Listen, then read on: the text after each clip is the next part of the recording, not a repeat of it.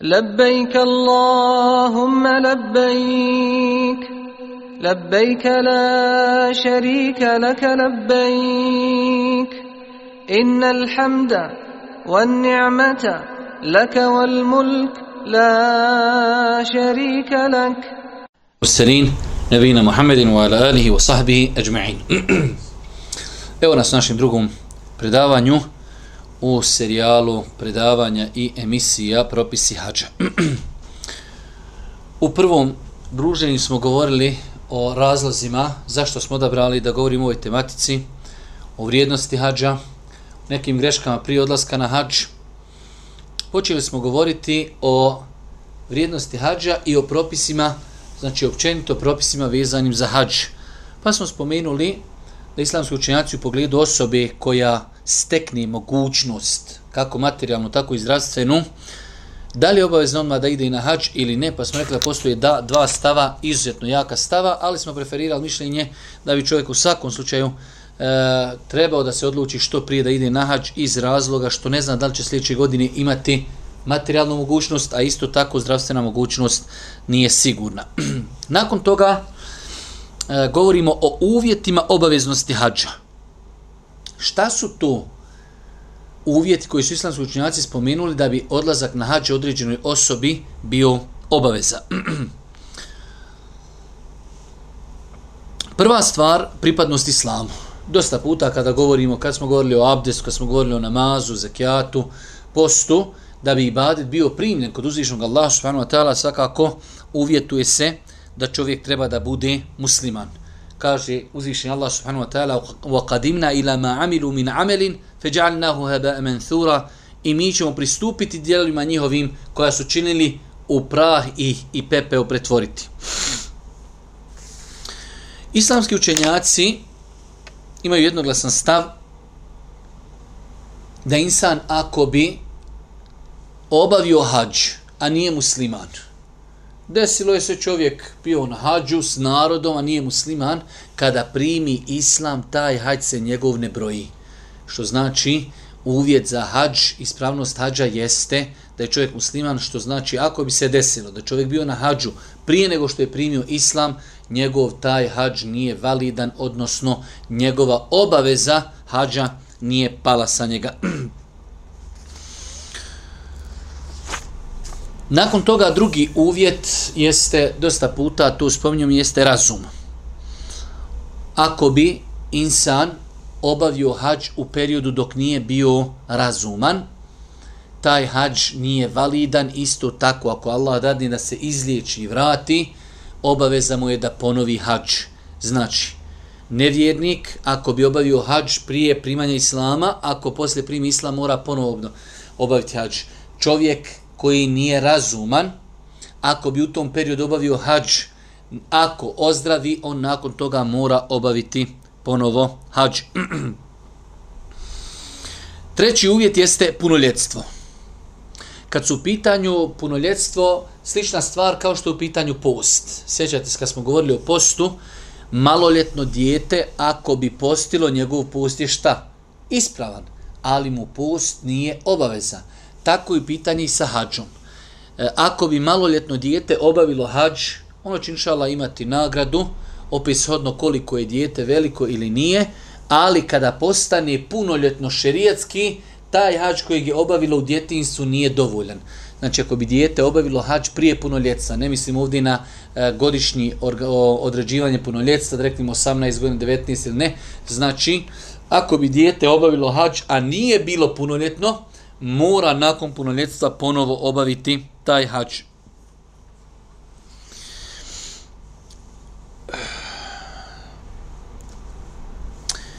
Kada je u pitanju obavljanje hađa za djecu, dosta puta ljudi postavljaju pitanje i za umru i za hađ. Imamo dvije vrste djece, a to su djeca, svakako kad mislimo djeca koja nisu još punoljetna. Koja su punoljetna, svakako za sebe obavlja hađ, nijeti hađ i tako dalje.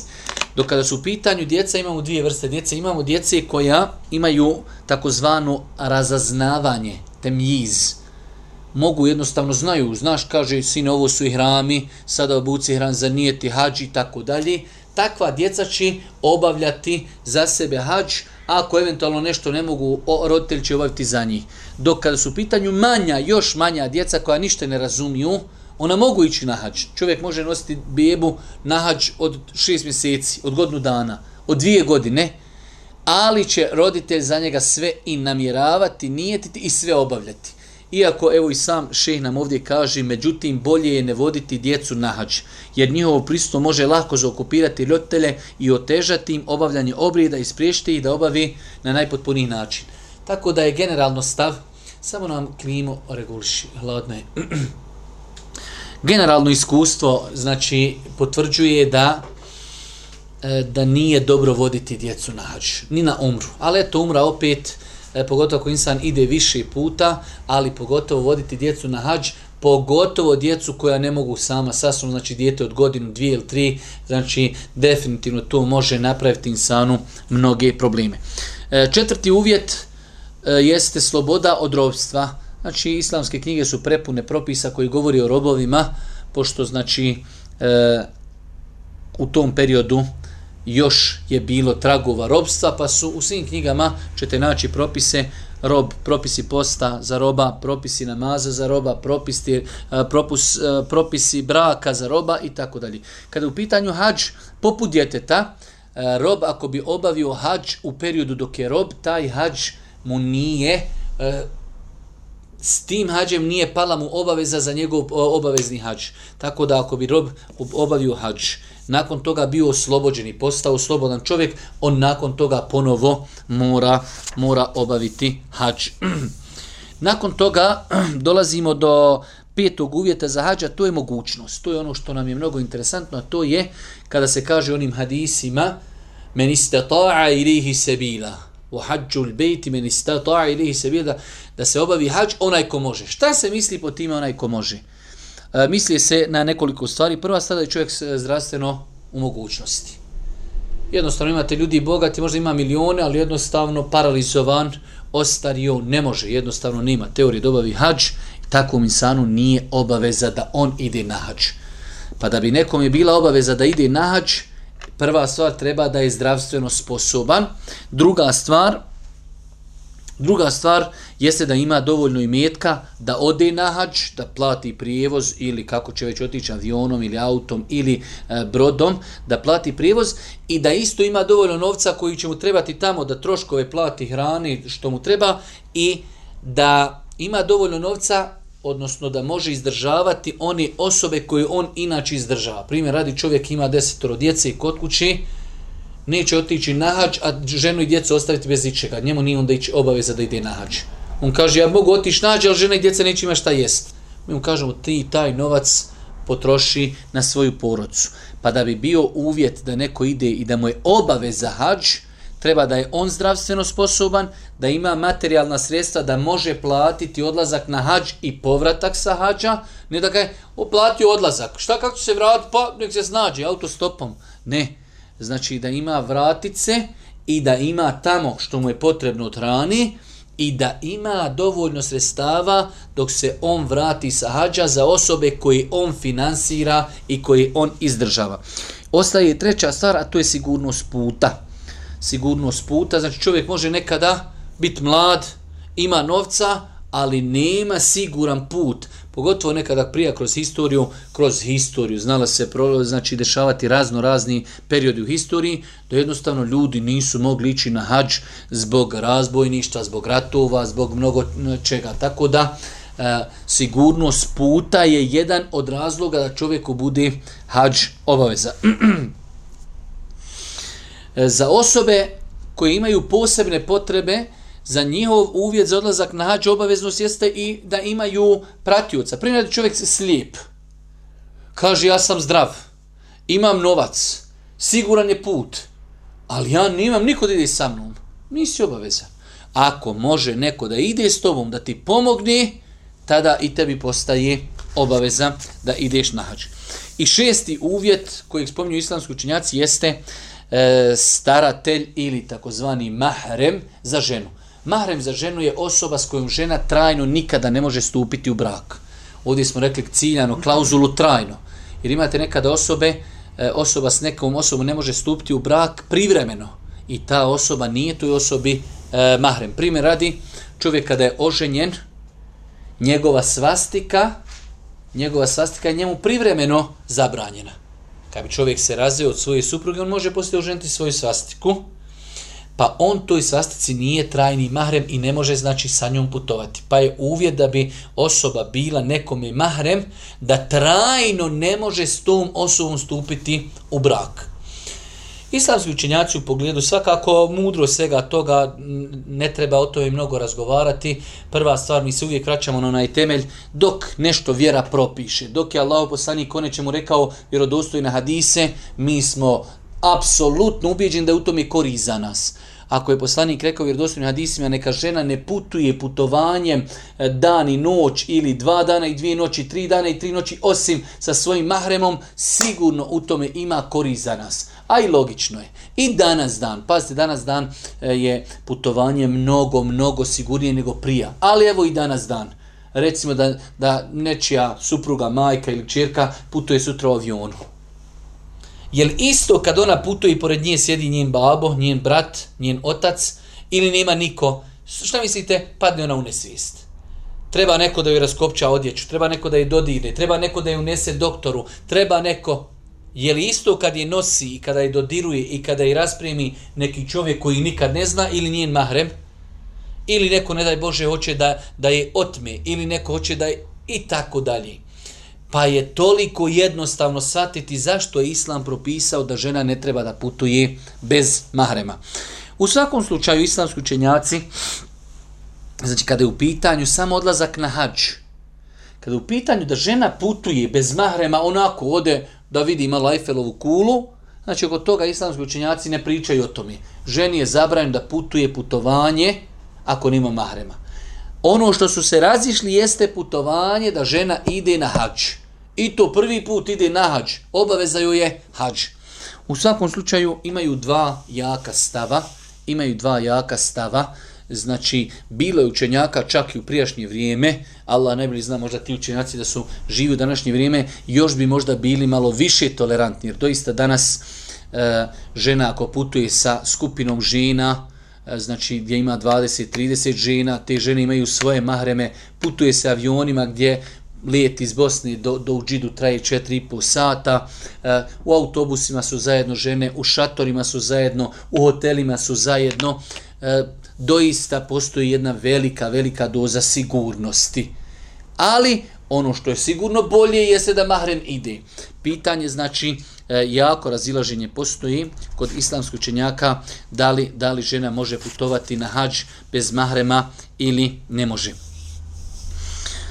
U svakom slučaju, ja lično već dugo godina nemam neki izrađen stav po tom pitanju, e, zato što su s jedne strane jake argumente da je poslanik zabranio, e, imamo ulemu koja u to vrijeme, iako tada je se putovalo mnogo, mnogo opasnije nego sada. Putovalo se devama, putovalo se kroz pustinju, e, razbojništvo. Mnogo. I opet u svemu tome opet je bilo velikih imama, velikih imama umeta koji su dozvolili da žena ide na hađ ako je u jednoj sigurnoj skupini. Pa zamislite danas, znači koliko je danas, koliko su stvari uznapredovale, i mobitel ima, i internet ima, i avionom se ide, i u hotelima će se biti, i autobus autobusima se putuje klimatiziranim. Mnogo toga, definitivno da je bolje da žena ide sa mahremom. E, da li može ići bez mahrema? Ja lično tu što bi rekli Arapi, ete wakaf, tu stajem kod tog pitanja, ali u svakom slučaju žena ako bi i otišla bez mahrema, tu ne utječe na ispravnost njenog hađa.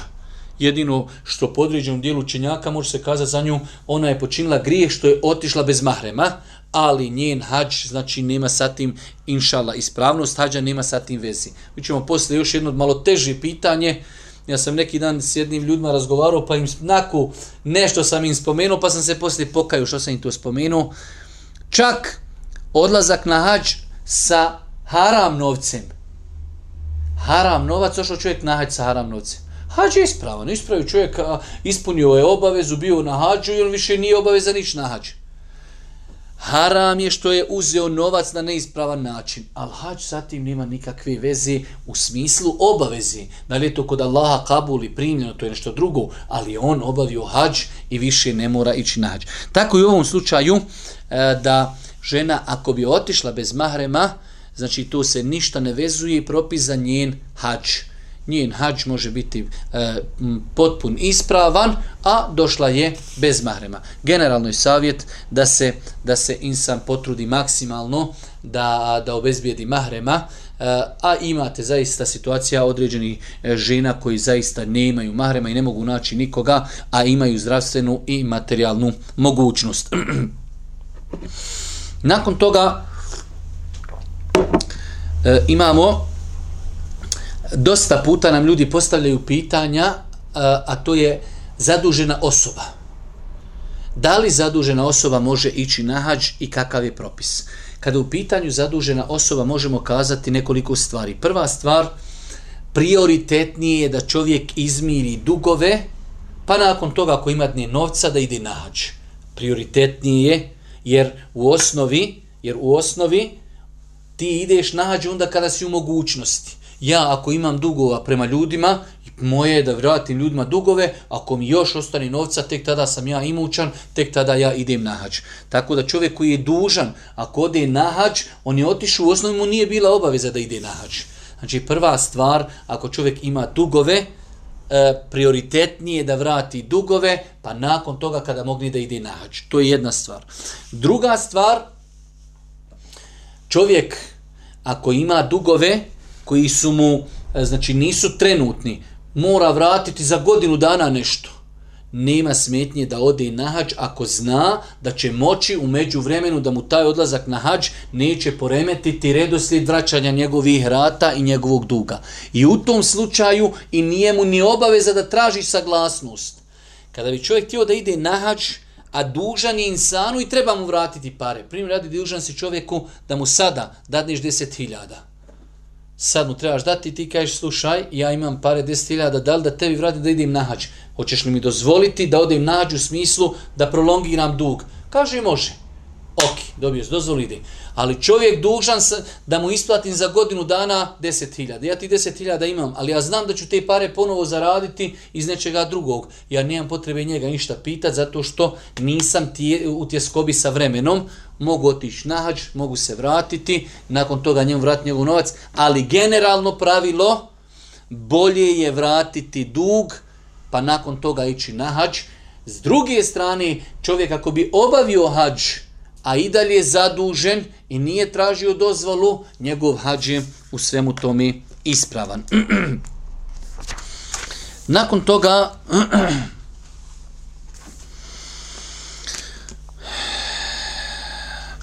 imamo od pitanja koja su nam interesantna, to je, čak kažu islamski učenjaci, da čovjek, ako bi imao potrebu da se ženi, ima čovjek novac, ali jednostavno u tim nekim godinama i periodu treba da se ženi. Kažu islamski učenjaci prioritetnije da se ženi, pa nakon toga ako ima novca da ide na hač, nego da ide na hač. Ako ima potrebu za ženitbom, onda mu je znači prioritetnije da se oženi, pa nakon toga kada mogni da ide na hađ. Nakon toga, od pitanja koja Ši Safet je ovdje spominjao, koja su poprilično vezane jedna za druga, a to su sve neki opći propisi o hađu, jeste onaj poznati propis e, o bedeluku. Znači, riječ u arapskom bedel, inače, bedel znači biti zamjena za nešto.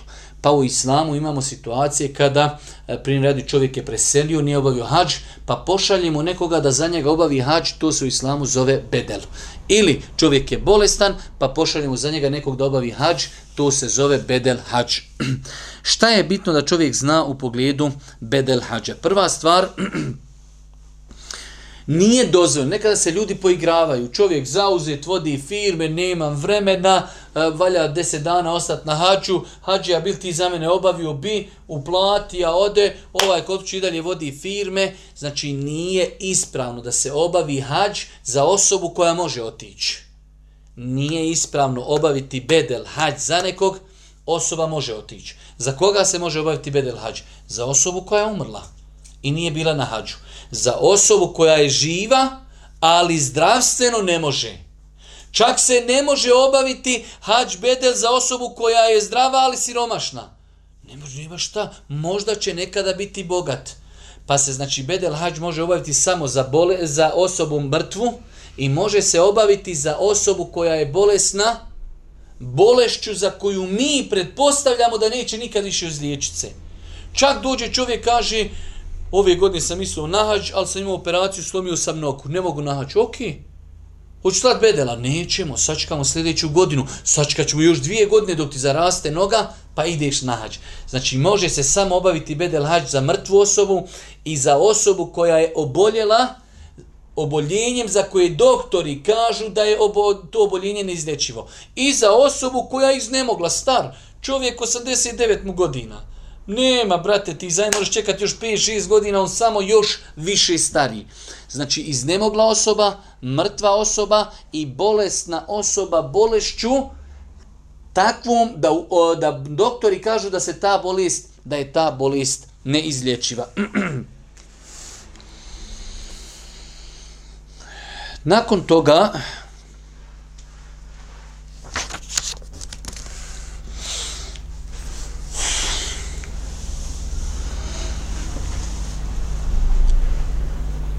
nije problem kada je u pitanju bedel da žena obavi bedel hađ za muškarce i da muškarac obavi bedel za ženu. Primjer, radi čovjek, hoće da neko za njega obavi hađ za oca mu, kaže ima neka hađinica, ona će ići na hađ sa svojim čovjekom da bude bedel. Nema smetnje da žena obavi hađ za muškarca i da muškarac obavi bedel hađ za ženu. E, isto tako od propisa, koji su interesantni, vezano za bedeluk, jeste da čovjek da bi bio nekom i bedel, treba da je on prije toga obavio hađ. Iako to nije stav Hanefijske pravne škole, ali hadis je jasan po tom pitanju, kaže se da je Allah poslanik čuo čovjeka kako kaže odazivam ti se za šubrumu. Znači čuje Boži poslanik kako čovjek kaže lebejke Allahumme an šubrume. Šubrum je ime čovjeka. Pa kaže Allah poslanik alaihi salatu wasalam, a ko ti je šubrume? Pa kaže to ili mi je brat ili mi je rođak. Prenosi od sumlja. Ne sumlja taj čovjek, već čovjek je rekao jedno od to dvoje. Ili rekao rođak, ali u propisu hađa nema vezi. Kaže, da li si obavio hađ za sebe? Upitao Allah, kaže, nisam. Kaže, Allah poslanik obavi hađ za sebe, a potom za šubrumu obavi hađ. Pa je ovdje, znači, Allah poslanik jasno odgovorio. Čuje Boži poslanik čovjeka kako kaže gospodar, odazivam ti se hađem, obavljam hađ za čovjeka koji se zove Šubrumu. Pa ga poslanik čuo i kaže, a ko ti je Šubrum? Kaže, to mi je rođak ili rođeni brat. Jesi li ti, kaže, za sebe obavio hađ? Dok ga to Boži poslanik pita, znači, ima to bitnost u propisu. Kaže, nisam Allah poslaniće. Kaže, obavi prvu hađ za sebe ove godine, nakon toga druge godine ćeš obaviti hađ za šubrumu. Tako da, e, kad su u pitanju propisi bedela, znači treba da čovjek je obavio za sebe hađ. S druge strane, kada insan traži nekoga ko će biti bedel za njegovog oca, majku, rođaka, treba tražiti nekoga povjerljivog, bogobojaznog, jer jednostavno e, to je jedan veliki ibadet, E, E, gdje, gdje do izražaja dolazi sigurno bogobojaznost čovjeku da insan bude školovan, učen, bogobojazan, da zna na najbolji i najpotpuniji način obaviti, obaviti ono što se od njega traži. Nakon toga, evo, baš to pitanje i tim ako Bog da završajmo tu, taj dio e, govora oni kao neki opći propisi o hađu, a to je obavljanje hađa i mjetkom stečenim na zabranjen način.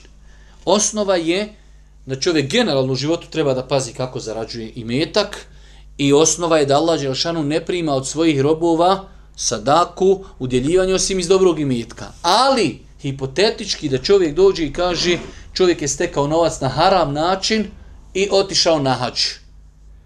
Mi, znači, razdvajamo te dvije stvari pa kažemo hađ njegov je ispravan, a ono što je on kako je način sticanja imetka, način sticanja imetka, način sticanja imetka i nešto drugo, zašto će on posebno odgovarati.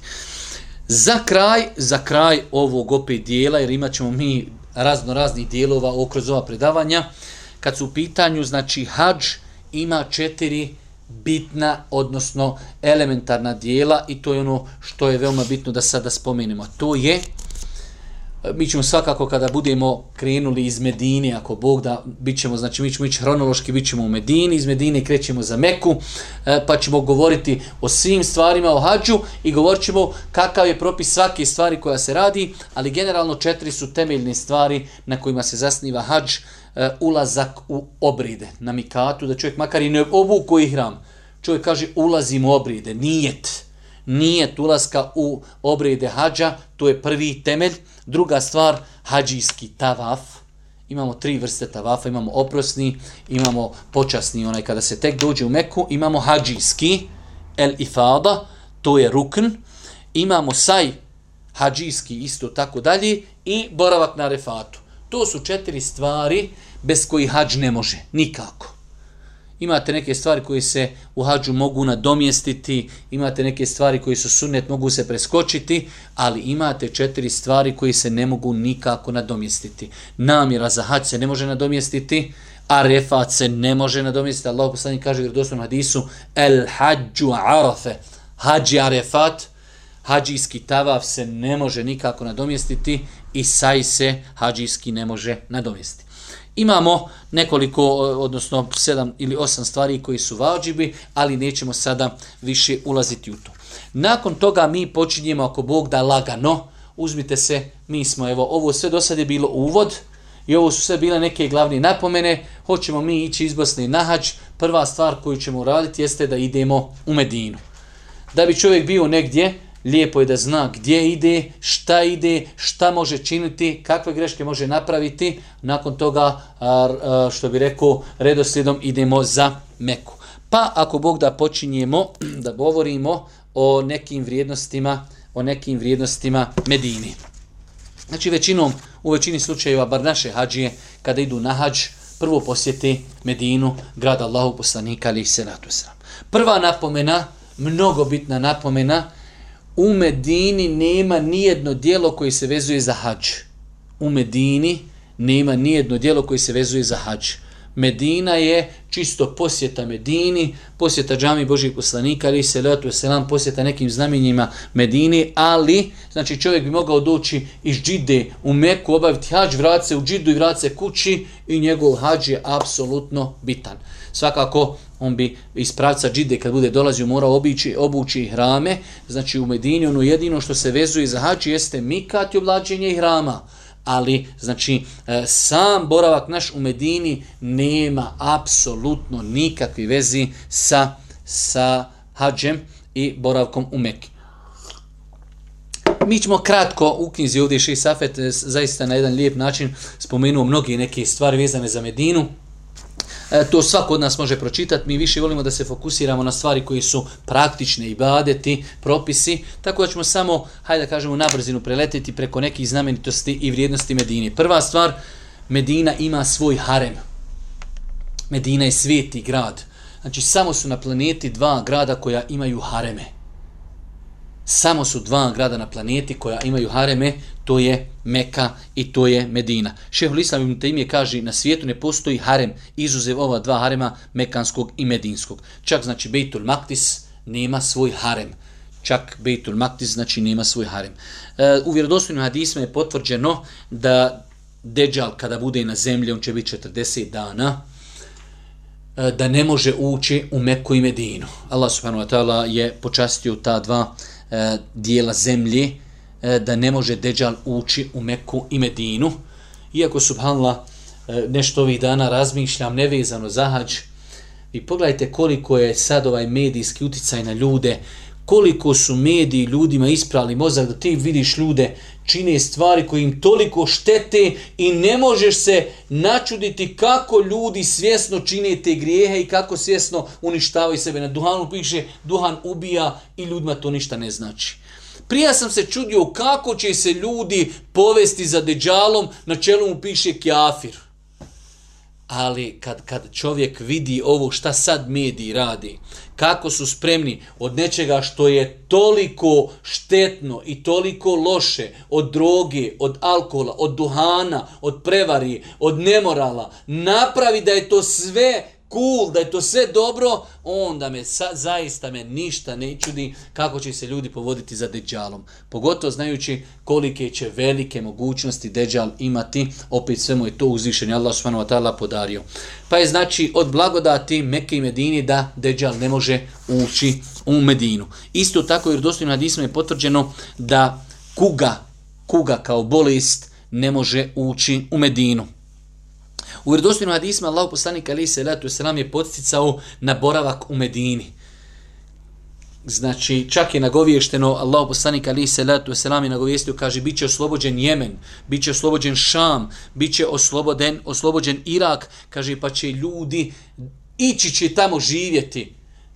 Znači, znači inače Šam, definitivno, znači Jemen, kaže Allah poslanik wal medine tu khairun lahum law kanu ya'lamun a da znaju oni Medina im je bolja i lepše u Medini. Pa je Allah poslanik alihi salatu wasalam izrekao mnoge hadise u kojima preporučuje život i stanovanje u Medini. Isto tako, e, strpiti se na nedaćama, živjeti u Medini, živjeti i strpiti se na nedaćama medinskim e, ima posebnu, ima posebnu znači, e, dimenziju. Ko se strpi na njenim medinskim tegobama i nedamaćama, ja ću mu biti svjedok ili rekao e, zagovornik na sudnjem danu. Znači čovjek koji se strpi na određenim nedaćama koji nosi sa sobom život u Medini, Allahu poslanik ali se letu će selam će biti za njega svjedok ili će mu biti šefađija. Isto tako opasnost griješenja u Medini. Znači nije isto griješiti u Medini izvan Medini. Tako da insan treba da se pazi evo konkretno evo, na prvom predavanju smo spominjali, ljudi dođu u Medinu, pa iziđu iz džami Božih poslanika, zapali cigaru. E, ljudi nekada organiziraju određene novotarske skupove, e, posebno, posebno postoje hadisi gdje Allah poslanik zaprijetio e, novotarstvo i čuvanje i, i, i potpomaganje novotara u Medini. Pa insan treba, vidite kako se može desiti. Sad ćemo doći do grešaka u Medini, čovjek dođe, krenu na hađ, i dođe u Medinu i boravi 7-8 dana, u tom periodu čini dijela zbog kojih je proklet. A krenuo na hađ. Krenuo da uradi najveći, ba bolje mu bilo da je sjedio kod kući radi djela zbog koji je proklijet u vjerodostojnim hadisima Allahu poslanika ali se letu wasalam, pa se insan treba educirati, treba se, e, treba se podučiti e, i zato smo rekli mi nemamo namjeru da nekoga prozivamo, ali želimo da ljudima otvorimo vrata i oči da se pazi, da se pazi griješenja u Medini, da se pazi spletkarenja stanovnicima Medine. Kaže Allahu poslanik, stanovništvu Medine ne, niko neće učiniti spletku, a da se ona neće a da se ona neće rastopiti kao što se topi u, kao što se so topi u vodi. Znači imate mnogo, mnogo argumenta i hadisa e, koji ukazuju e, da je opasno griješiti u Medini, da je opasno novotarije prakticirati u Medini, da je opasno spletkariti stanovnicima Medini. Allahu poslanik Ali se letu selam e, poticao je na dočekivanje smrtnog časa u Medini. Znači insan kada bi mogao živjeti u Medini da tamo dočeka smrtni čas, to je opet nešto posebno, kaže Allah poslanik koji ima mogućnost da dočeka smrtni čas u Medini, neka tako i učini, ja ću biti zagovornik onome ko umre u Medini. Ovo se misli samo na smrt u Medini, vidjet ćemo poslije da e, uh, Allahu poslanik ali se letu selam je dovio za stanovnike Bekije, ali u današnje vrijeme se zakopati u Bekiju nema nikakve neke veće vrijednosti, ali smrt u Medini definitivno ima svoju vrijednost. Allahu poslanik je kazao isto, ispravno vjerovanje sklonuće se u Medinu kao što se zmija sklanja u svoju rupu. Kada dođu teška vremena, ispravno vjerovanje se vraća, ispravno vjerovanje se vraća u Medinu. Allahu poslanik je volio mnogo Medinu, kada bi išao negdje s putovanja, pa kada bi došao na neke uzvišice gdje se vidi Medina, dodatno bi potjerao svoju devu da što prije dođe do Medini. Poseban grijeh ima onaj ko zaštiti prijestupnika u Medini.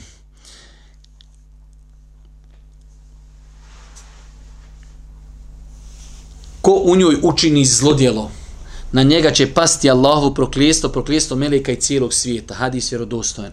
Ko u Medini uradi zlodjelo, grije, na njega kaže će biti, na njega će biti proklijestvo uh, uzvišenog Allaha i proklijestvo meleka i cijelog svijeta. Medina je mjesto gdje je iselio Allahu poslanik ali salatu wasalam. selam. Medina je kao kovački mijeh. Medina je zaista kao kovački mijeh. odstranjuje ono što ne valja, a daje sjaj onome što valja. U svakom slučaju, Medina, kao grad Allahu poslanika ali salatu selam ima mnoge odluke nećemo se mnogo oko toga oko toga hajde da kažemo zaustavljati e, prilikom prilikom boravka u Medini najinteresantnija i najbitnija stvar jeste posjeta džami Božijeg poslanika, alihi salatu wasalam. Da bi opet govorili o posjeti džami Božijeg poslanika, bitno je da znamo samo nekoliko uh, odlika vezani za džamiju Božijeg poslanika, alihi salatu wasalam. Prva stvar, namaz u džami Božijeg poslanika vrijedi vrijedi hiljadu namaza obavljeni na nekom drugom mjestu mimo Mekke.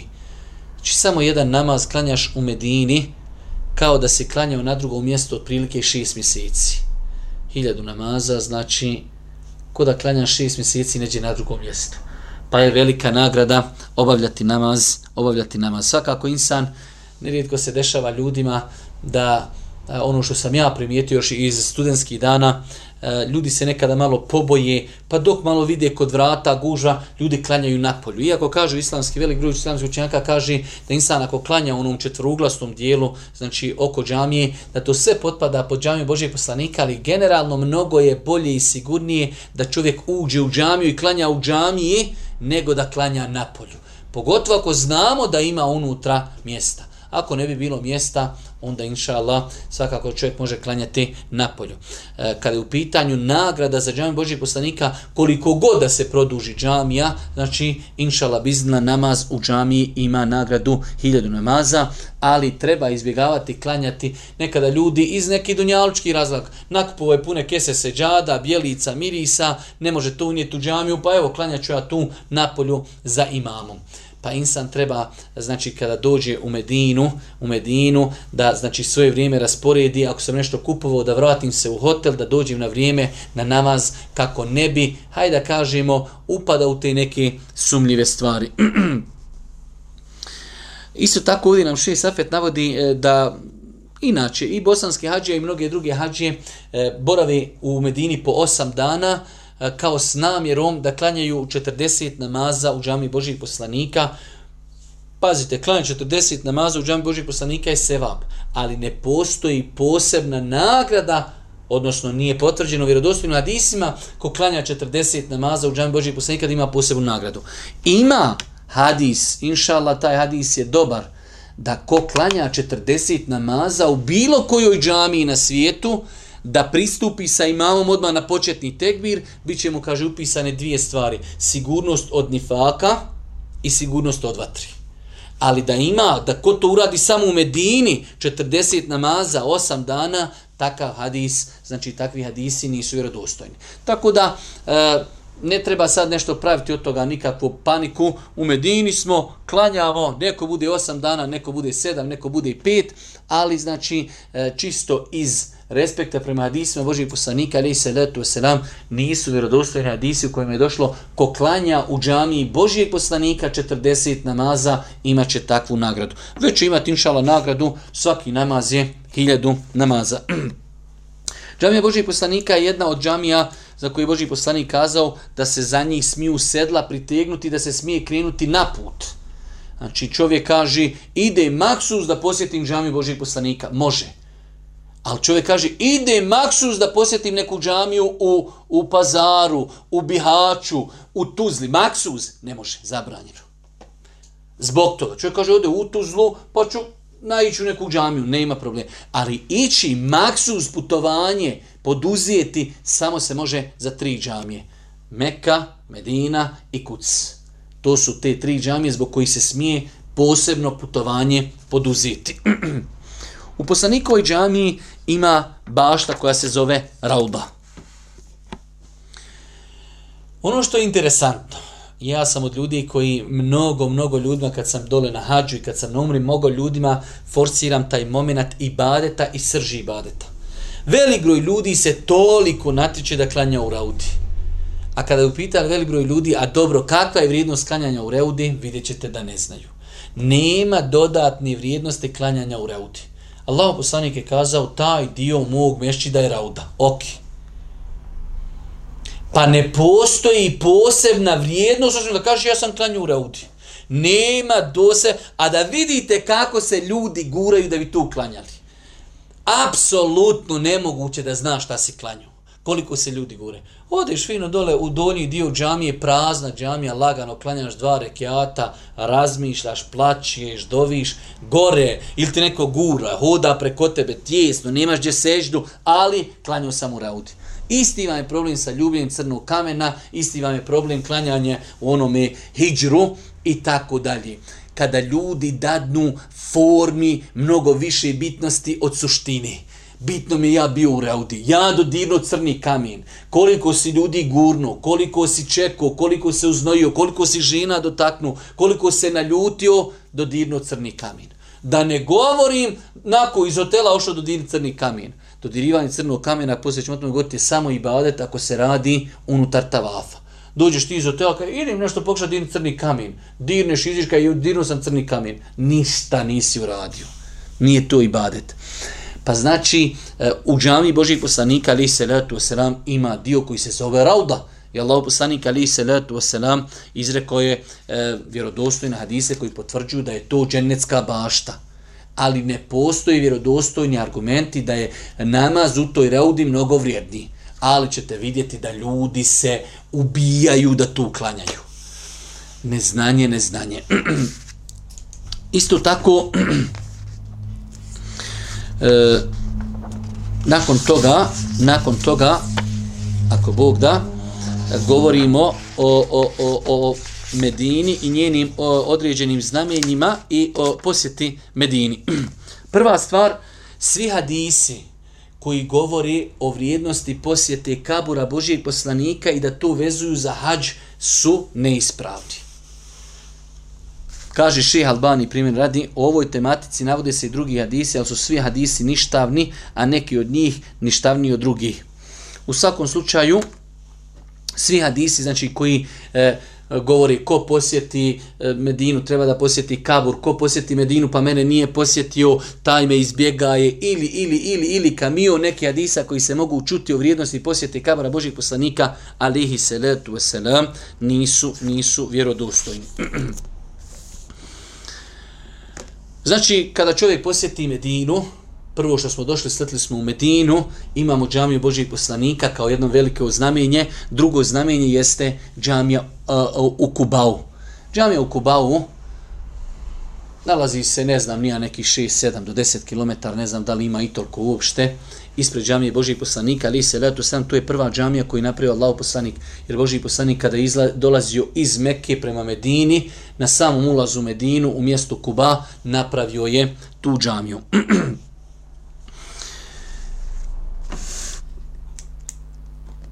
pohvalno i lijepo je kada čovjek boravi u Medini da ode maksuz da klanja dva rekiata u ovoj, u ovoj džamiji. Allahu poslanik alihi salatu wasalam kaže ko dođe u ovu džamiju Kuba i klanja u njoj kao da je obavio umru.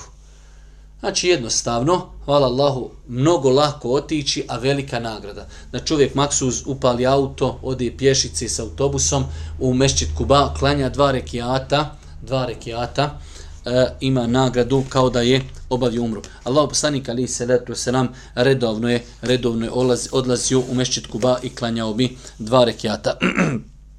Svakako, rekli smo da se samo za tri džamije može maksuz otići. Sad kad čovjek iz Bosne rekao idem iz Bosne maksuz da klanjam u Kuba, ne može. Može posjetiti džamiju Božijeg poslanika, pa kad sam već tu blizu, da odim i da posjetim e, Mešćid El Kuba.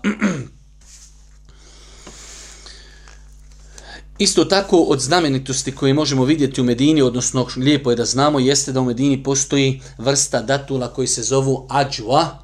Ađua.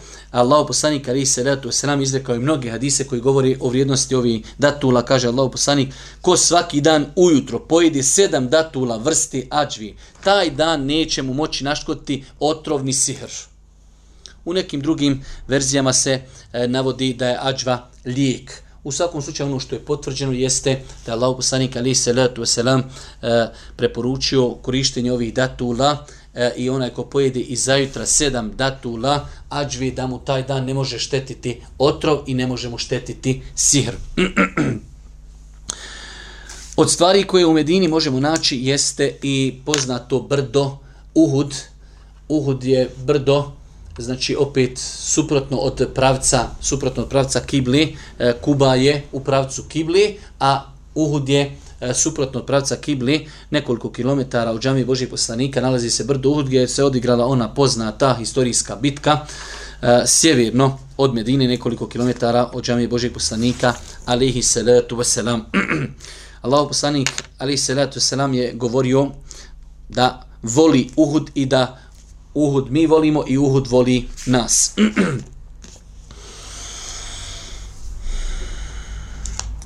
Od stvari koje u Medini postoje i koje se mogu je, posjetiti jeste također i mezarje Beqija.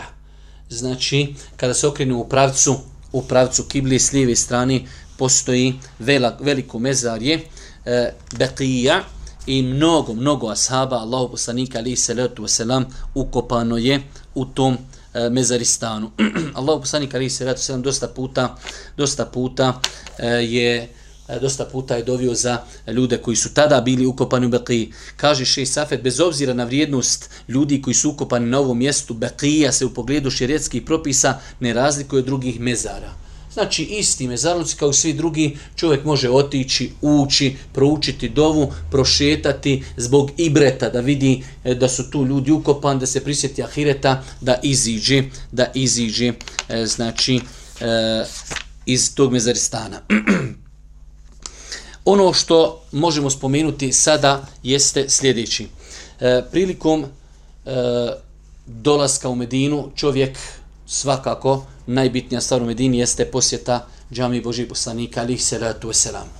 Nema posebne neke sad procedure posjeta džamije čovjek u džami Božijeg poslanika ulazi desnom nogom, uči istu dovu koja se uči kada ulazi u bilo koju drugu džamiju, klanja dva rekiata tehijetul mešćida na bilo kojem dijelu džamije. Čak ubjeđenje da se ta dva rekiata klanjaju u reudi nema nikakve osnovi. Znači čovjek dolazi džamija Božijeg poslanika, ulazi desnom nogom, uči dovu, klanja dva rekiata prije nego što sjedni, kada izlazi, izlazi lijevom nogom.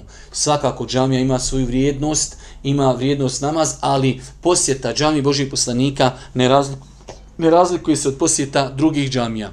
Isto tako, ono što velik broj ljudi ne zna, što mogu napraviti prekršaj, jeste da ljudi ciljano idu u Medinu da posjete kabur Božih poslanika. To je neispravno čovjek može otići u Medinu da posjeti džamiju Božijeg poslanika, a kada sam već u džamiji Božijeg poslanika, otići ću i poselamiću i proću pored kabura Božijeg poslanika, alihi salatu veselam. Samo da vidimo.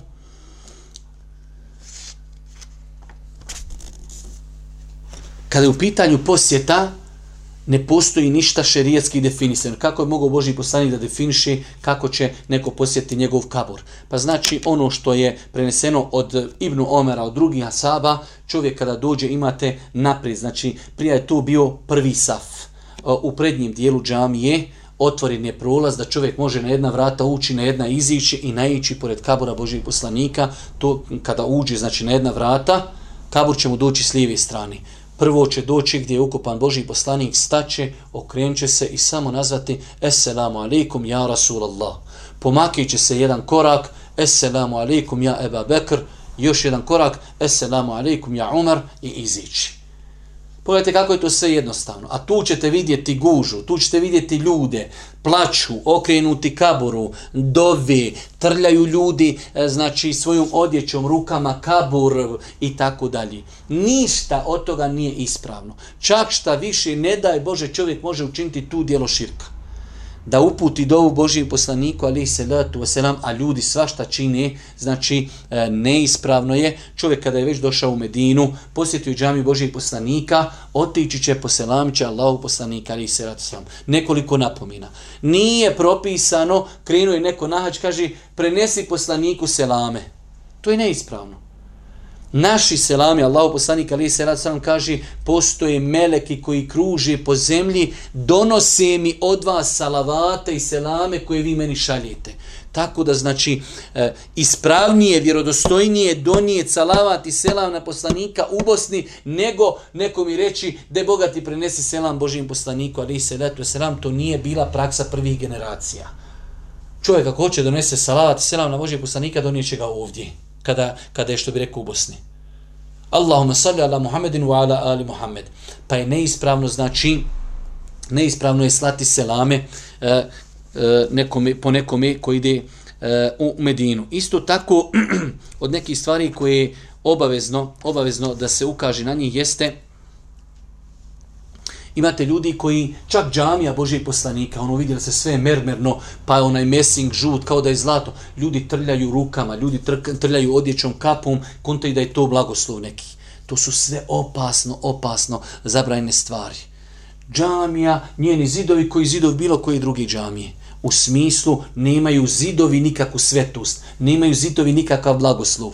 Čak kabur Božijeg poslanika, zidovi kabura oko kabura Božijeg poslanika nemaju nikakvu svetost u tom kontekstu blagoslova. Da čovjek trlja maramicom, da trlja tijelom, da misli da će zbog toga ozdraviti, da misli da će mu to donijeti sreću, sve su to i tekako opasne stvari. Isto tako okretanje kaburu Božijeg poslanika i dova. Ako bi već čovjek tu dovio, a nema razloga da dovi, onda će okrenuti leđa kaburu Božijeg poslanika, okrenuti se prema kibli i doviće. Ali nema potrebe tu da dovi, znači nema potrebe da tu dovi. Isto tako e, imate ljudi koji kada su u Medini, ako su 5 dana, posle svakog namaza posjećuju kabur Božijeg poslanika, što je neispravno.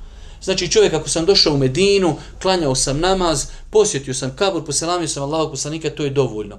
Možda čovjek kaže sutra doje neko ja ne znam gdje, hajde otiđi sa mnom, da ali da ide posle svakog namaza u toku dana pet puta, za, za tri, četiri dana boravka dvadesetak puta, to znači nije bila praksa prvih generacija, jedna posjeta, prvi put posjetio sam džamiju, otišao sam, poselamio sam Allahog poslanika, ali se letu veselam, bez ikakve procedure, bez ikakvih ceremonija, bez ikakvih zaustavljanja, bez ikakvih plakanja, bez ikakvih trljanja, bez ikakvih prenošenja salama, ništa mi moramo svoje emocije u islamu, moramo ih ukrotiti kuransko-hadijskim dokazima.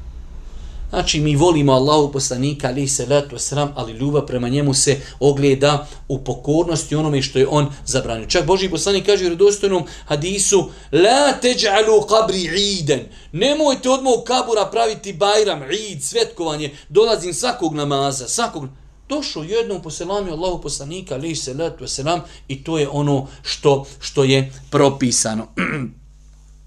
Isto tako,